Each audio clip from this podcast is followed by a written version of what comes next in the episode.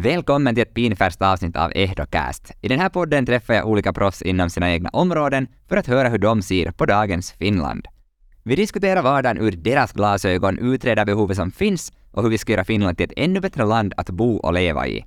Mitt namn är Frans Villanen och jag ställer upp i riksdagsvalet i Vasa valkrets för SFP.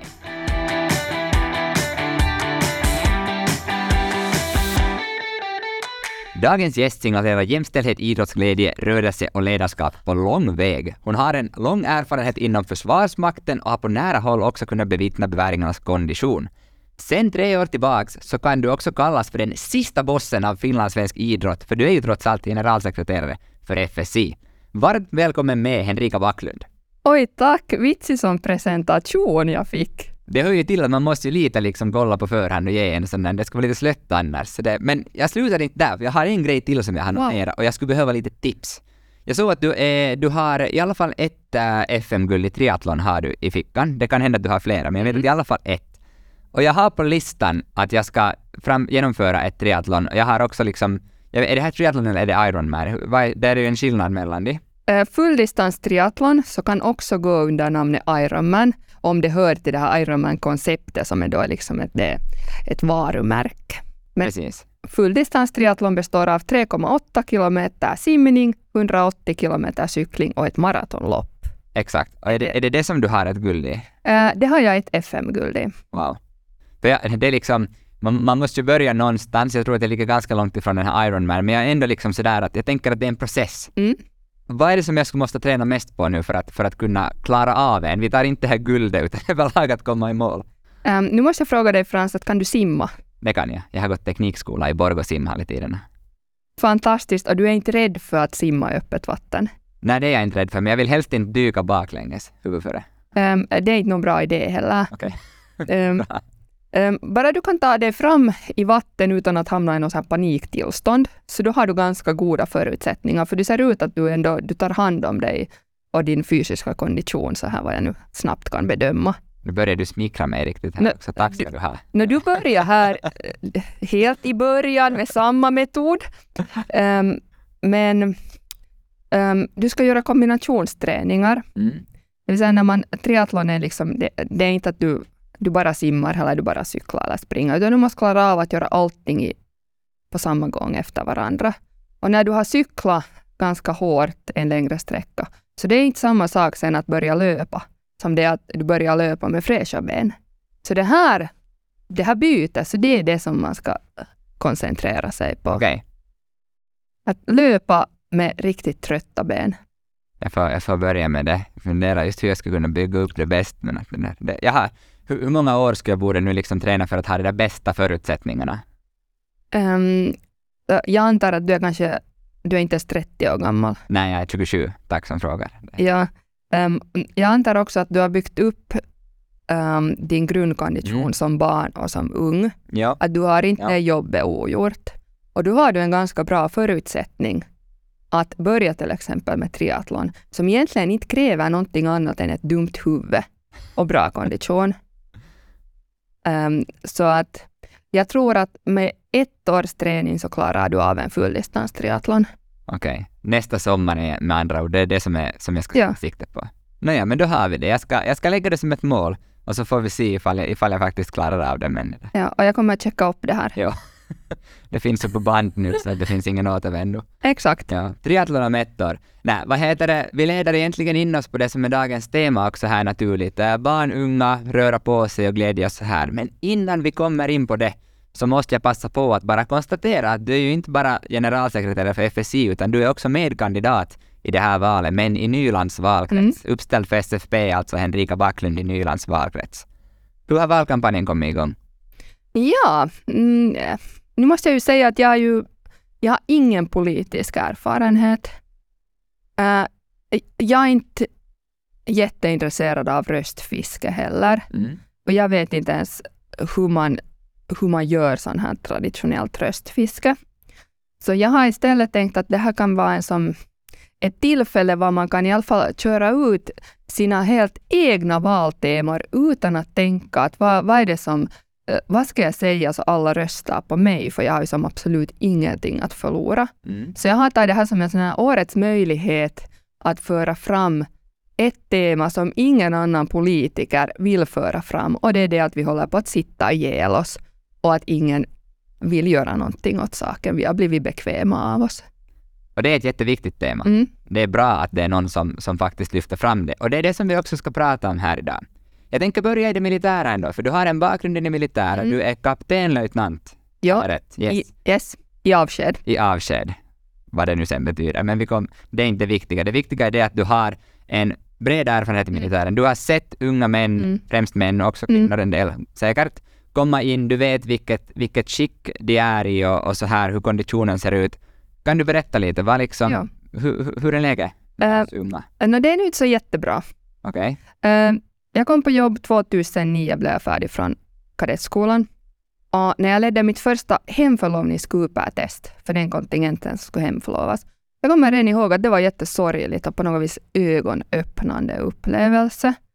Eh, det var några killar som de började med att gå testet och då visslade jag tillbaks alla. Och så sa sägs att det här är inte något UKK-gångtest. Att det här är ett löptest, det betyder man löper.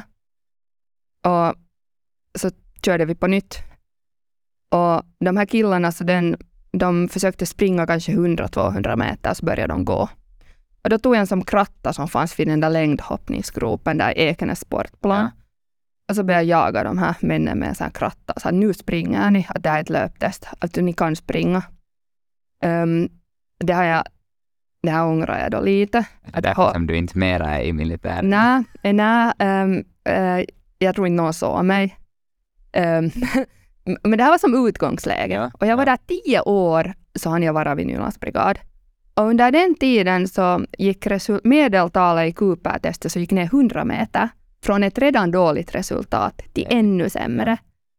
Och jag skulle säga att vi har inte idag en stridsduglig armé eller en trupp. Okej.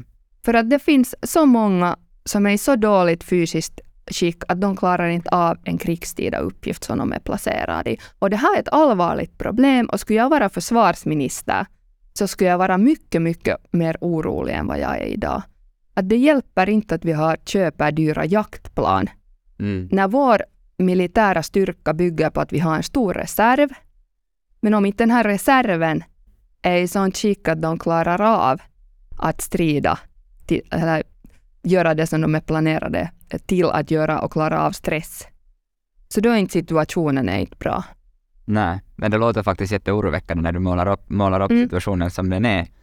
Och andra oroväckande siffror är ju också det som vi ser att är det 40 procent av Mm. dagens uh, unga skolelever är i jättedåligt fysiskt uh, skick, jättedålig Mm. kondition.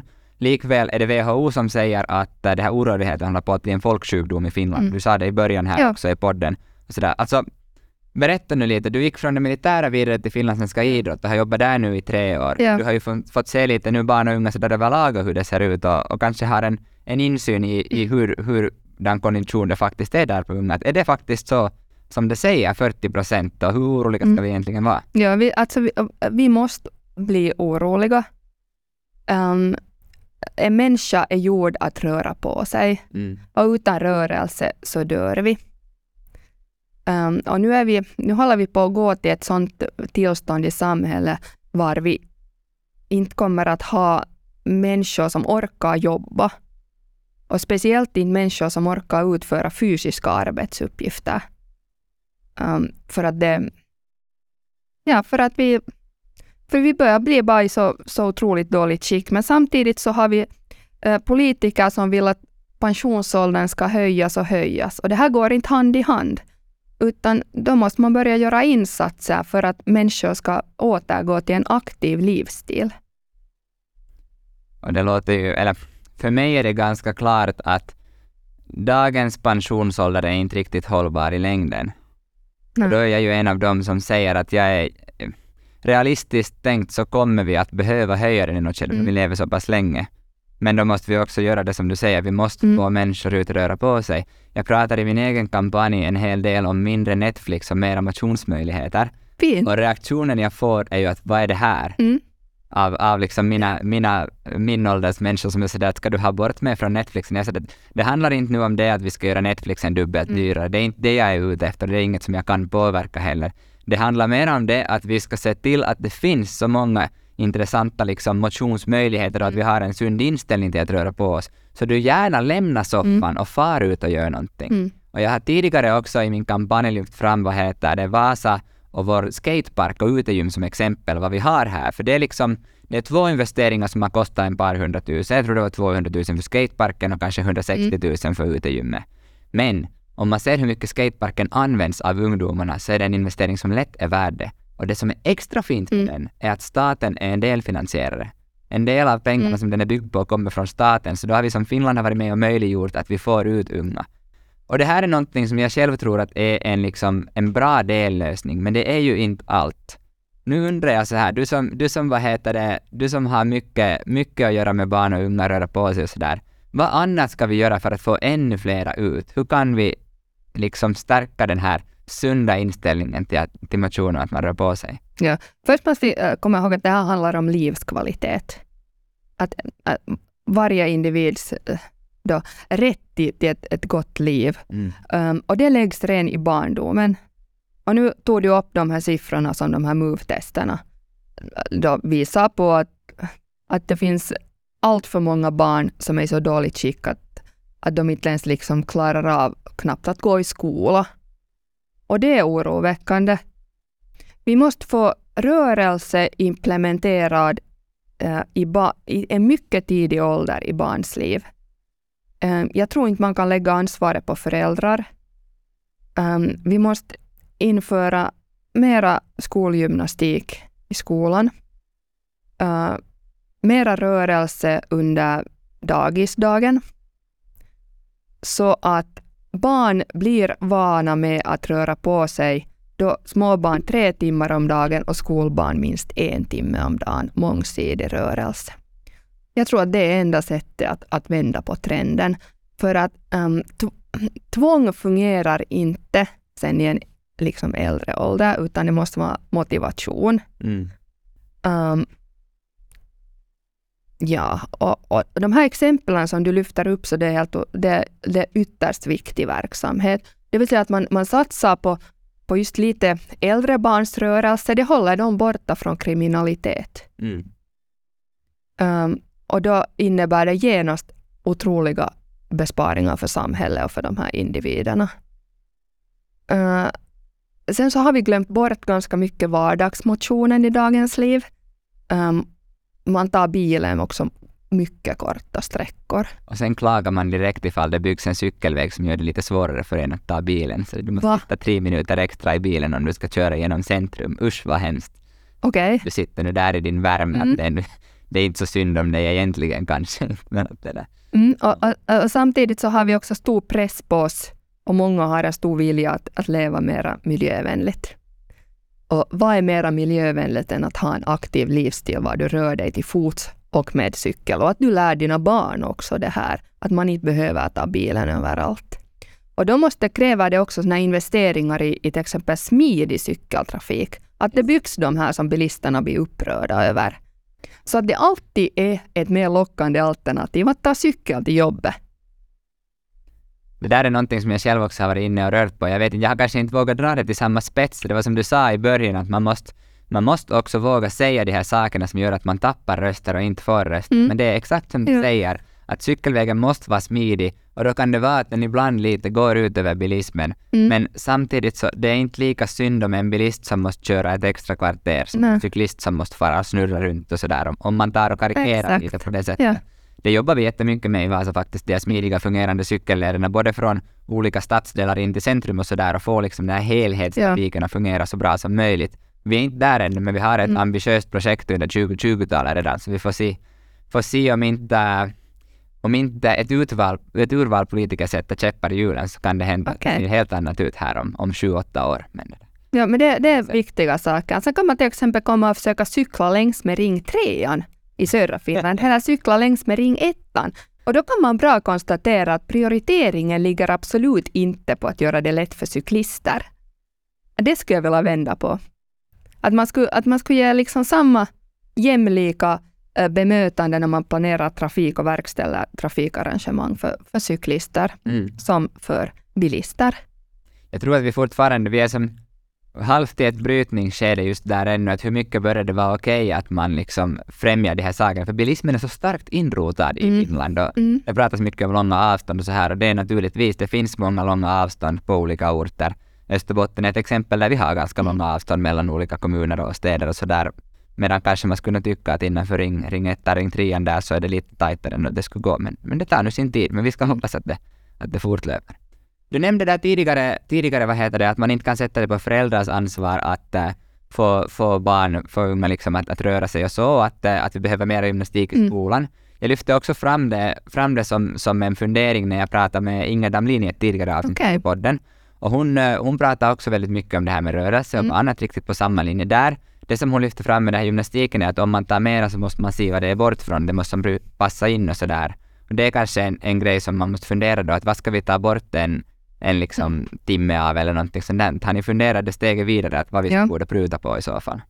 Ehm, jag tror inte man behöver pruta på någonting. Vi har idag i Finland, så, eller Finland är en av de länder i Europa som har minst antal gymnastik på läroplanen.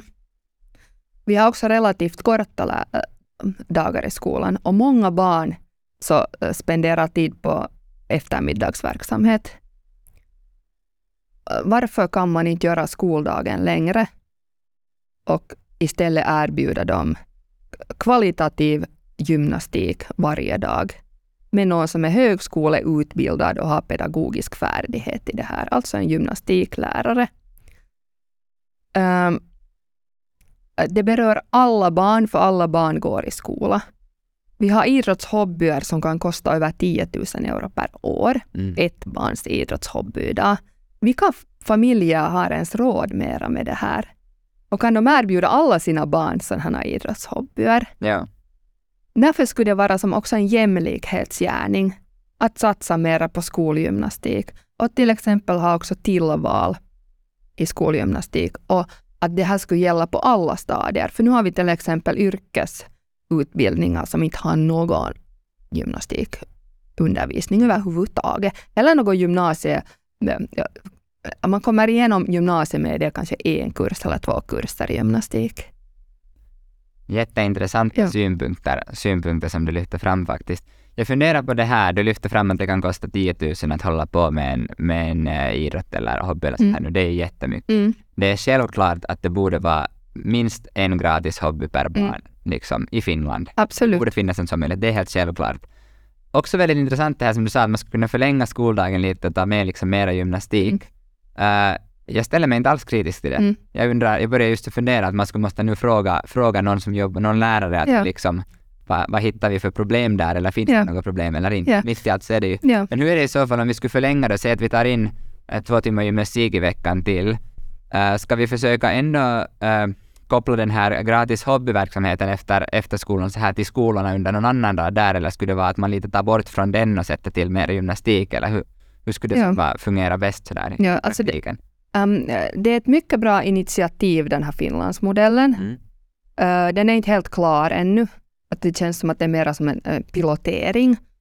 Um, av de här uh, riktade åtgärderna för att få barn att röra på sig mera, så har det tyvärr varit på det viset att det riktar sig till de som redan är aktiva och som redan kanske har någon hobby.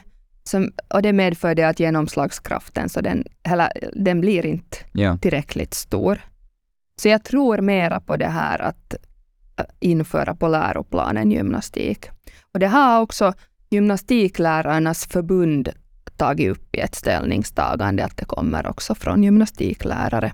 Okej. Och jag tror också att det är viktigt att man börjar jäm, jämställa gymnastiken med andra läroämnen i skolan. Att man ska kunna ge stödundervisning i gymnastik, att man ska kunna göra läxor och att man ska kunna göra konditionsuppföljning av barn och handledning. Mm. Det låter, i mina öron i alla fall så här, så låter det riktigt som vettigt, fullt ut vettigt. Att Ja. vi behöver få människor röra Ja. på sig, så måste de få den sunda inställningen, Mm. måste börja i tid. Och då är det ju ett sätt att göra, om vi nu kallar det obligatorisk, Ja. mera gymnastik, att man kommer mera i kontakt med det. Yes. Och lekfullt och inte Ja. tävlingsinriktat och sådär. Ja. Kommer ihåg från min egen skoltid, man var alltid lite som bitter ibland när det inte fick vara tillräckligt tävlingsinriktad. Ja. Jag har liksom inte tyckt om tävlingar. Mm. Men sen under, under tiden när man studerade speciallärare så lärde man sig att egentligen så borde de tävlingsinriktade alltid vara lite småmissnöjda på gymnastiken Ja. för att det inte var så mycket tävling. För att det Okej. måste ju funka för alla. Ja, Så det var som en insikt som kom till mig på högskolenivå under råa-tiden att ja, kanske det var helt okej egentligen att allt inte gick så som jag ville, att det fick hålla på fullt. För att då blir det ju Mm. sen så att de som kanske inte har spelat fotboll i tio år, så de är lite som mera på sidan och försiktiga sådär. Medan om du istället för att bara spela en match har lite olika just övningar och så här som man får hålla på på egen nivå så kan du hitta en glädje på ett annat sätt. mm. Mm, mm, absolut. Och vi vet också idag att, att många barn så vill inte tävla och de vill inte jämföra sig med andra. Uh, så- så därför så, så tror jag att utgångspunkten är den rätta om man inte har sån här som tävlingsinriktad gymnastik, utan att det är sen ett tillval eller en hobby på fritiden. Ja. Vi har pratat jättemycket om skolan, rörelse och idrott i skolan nu jag tänkte att vi också måste ta och beröra lite den biten som väldigt långt också är finlandssvenska idrottsverksamhet, det vill säga idrottsföreningarna, hur man assisterar och hjälper dem i sin verksamhet och sådär. Vad skulle du säga nu som generalsekreterare för finlandssvenska idrott att vi på liksom statlig nivå kan göra för att stödja föreningsverksamheten, att vi rör på oss den vägen? Ja, idrottsföreningar har ju en, en otroligt viktig funktion. Yes. Finland är ju också känd för att vara en sån här tusen föreningarnas land och det är liksom ett vikt, viktigt bidrag till civilsamhället. Um, vi är oroliga för hur det ska gå för våra idrottsföreningar för att de tappar frivilliga. Att alkoandan håller på att försvinna. Är det en generationsgrej, att den försvinner med generationer eller är det Mm. något annat som gör att den försvinner? Ja, um, det verkar vara kopplat till, till då generationen. Mm. Eh, och det att nutidens föräldrar vill inte offra av sin tid för en förening. De vill köpa tjänster istället, det vill säga lämna av sina barn, Mm. betala för det och hämta sina barn. Och, och det, det leder till det att föreningarnas verksamhet, så det, blir, eller det kan bli så små företagsverksamhet, att när man levererar istället liksom äh, köptjänster. Och då, då faller det bort det här liksom viktiga som föreningar står för, alltså det här ideella. Och att man bidrar med en gemenskap och en, att man kan höra till någonting. Och jämställdheten så blir också sämre för att inte har alla familjer möjlighet till det här att köpa de här tjänsterna av idrottsföreningar. När man tidigare så har idrotten varit det som man har, man har kunnat, som har kunnat motverka polar, polarisering för att eh, människor från alla samhällsklasser har samlats kring en idrottsförening i en kommun eller i en by och gjort idrott tillsammans oberoende av vad man har haft för, för ekono, eko, Socioekonomisk ställning, status. Ja. Du förstod fullständigt Ja, det är menar. en av de där orden Ja. som jag hoppas mig inte Ja. behöver säga själv. Ja, att, att föreningar så har en mycket viktig funktion i vårt samhälle. Hur ska vi tackla det här då? Mm. Ja, det där, det där är en ytterst bra fråga. Ja. Mm, Jag skulle själv vilja säga som större stöd till föreningar. Staten skulle stödja föreningar så att alla barn skulle ha möjlighet att i något skede i livet vara aktiva i föreningen. Och kanske också där via det så binda ett band till en förening.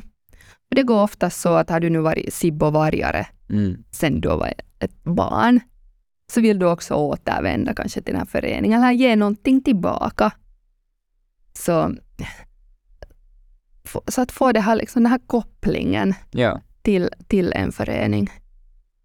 Så vi behöver i princip försöka se till att vi håller kostnaderna så Mm. lågt så att inget barn inte behöver eller inte måste stå över den här gemenskapen på grund av att man inte har råd med det. Det är ju som en Ja, Och, och vad heter det, och sen så behöver vi försöka få talkoandan att Ja. hållas kvar. Grabba Ja. Halmstad och Österbotten, vi är ju ganska bra på talkoandan det är bra. om man jämför med många andra orter Ja. i Finland. Så vi skulle nästan måste ha en exkursion där man får komma då. Mm. Är, du, är, du under, är du under 40 år från Nyland eller Ja. Åboland så välkommen upp och Ja. se hur det funkar här. Ja. Och ta med dig lite där hemma. Så. Ja, alltså det, och det är ju en, en rikedom som ni Mm. har. Men välkommen till huvudstadsregionen och följa med hur det håller på att, vart, vart vi håller på att gå. Ja. Att det är en oroväckande ja. den här riktning. Nå, I alla fall om det kommer 5500 röster den 2 april så då kommer jag till huvudstadsregionen. Att om vi ska hålla till saken. Ja. Att jag, jag höll på att gå, gå, vad heter det, före vi har en fråga som du ska få komma Okej. riktigt nyligen gällande, gällande riksdagen också. Men innan dess ännu så här, så vi, du pratade om, om eh, ekonomiska resurser och Mm. sånt. Påverkar eh, Veikkaus det här förändringen, idrottsföreningen i vilken mån? Mm, eh, det borde inte påverka. Ehm, det kommer alltså medlen till, till idrottsverksamhet som kommer att, att komma direkt från statsbudgeten. Det betyder att idrott blir en mer politisk fråga.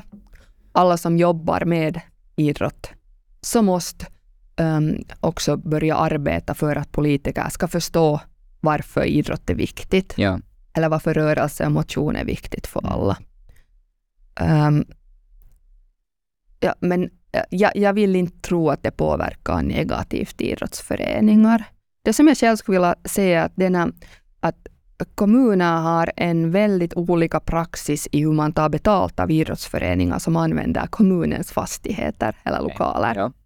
Att där skulle jag vilja säga att man inte, som att man inte, att man inte tar i alla fall inte mycket betalt av idrottsföreningar som ordnar verksamhet för barn i till exempel skolors gymnastiksalar Ja. motsvarande. Exakt. En sista grej här innan vi avslutar den här podden. Jag har frågat de andra som har deltagit i Ja. podden och jag kommer också fråga dig och jag lyssnar väldigt gärna på det här svaret. Ifall det går så bra den 2 april, att jag får så pass många röster att jag får börja åka aktivt ner till Arkadiabacken Ja. i riksdagshuset, så får du skicka en hälsning ner med mig. Vad är det för hälsning som jag ska ta med mig till riksdagen om jag kommer in? Jag börjar göra satsningar på att vi börjar röra på oss mera, för annars kommer vårt samhälle att kollapsa. Vi har inte råd med alla de kostnader som den här, det här stillasittande och passiviteten kommer att medföra. Det fixar vi. Yes, Härligt. tack. Tusen tack för din tid. Ni har lyssnat på Ehdocast, en podd av riksdagskandidat Frans Villanen. Idag hade jag med mig Henrika Backlund. Tack för det här. Tack.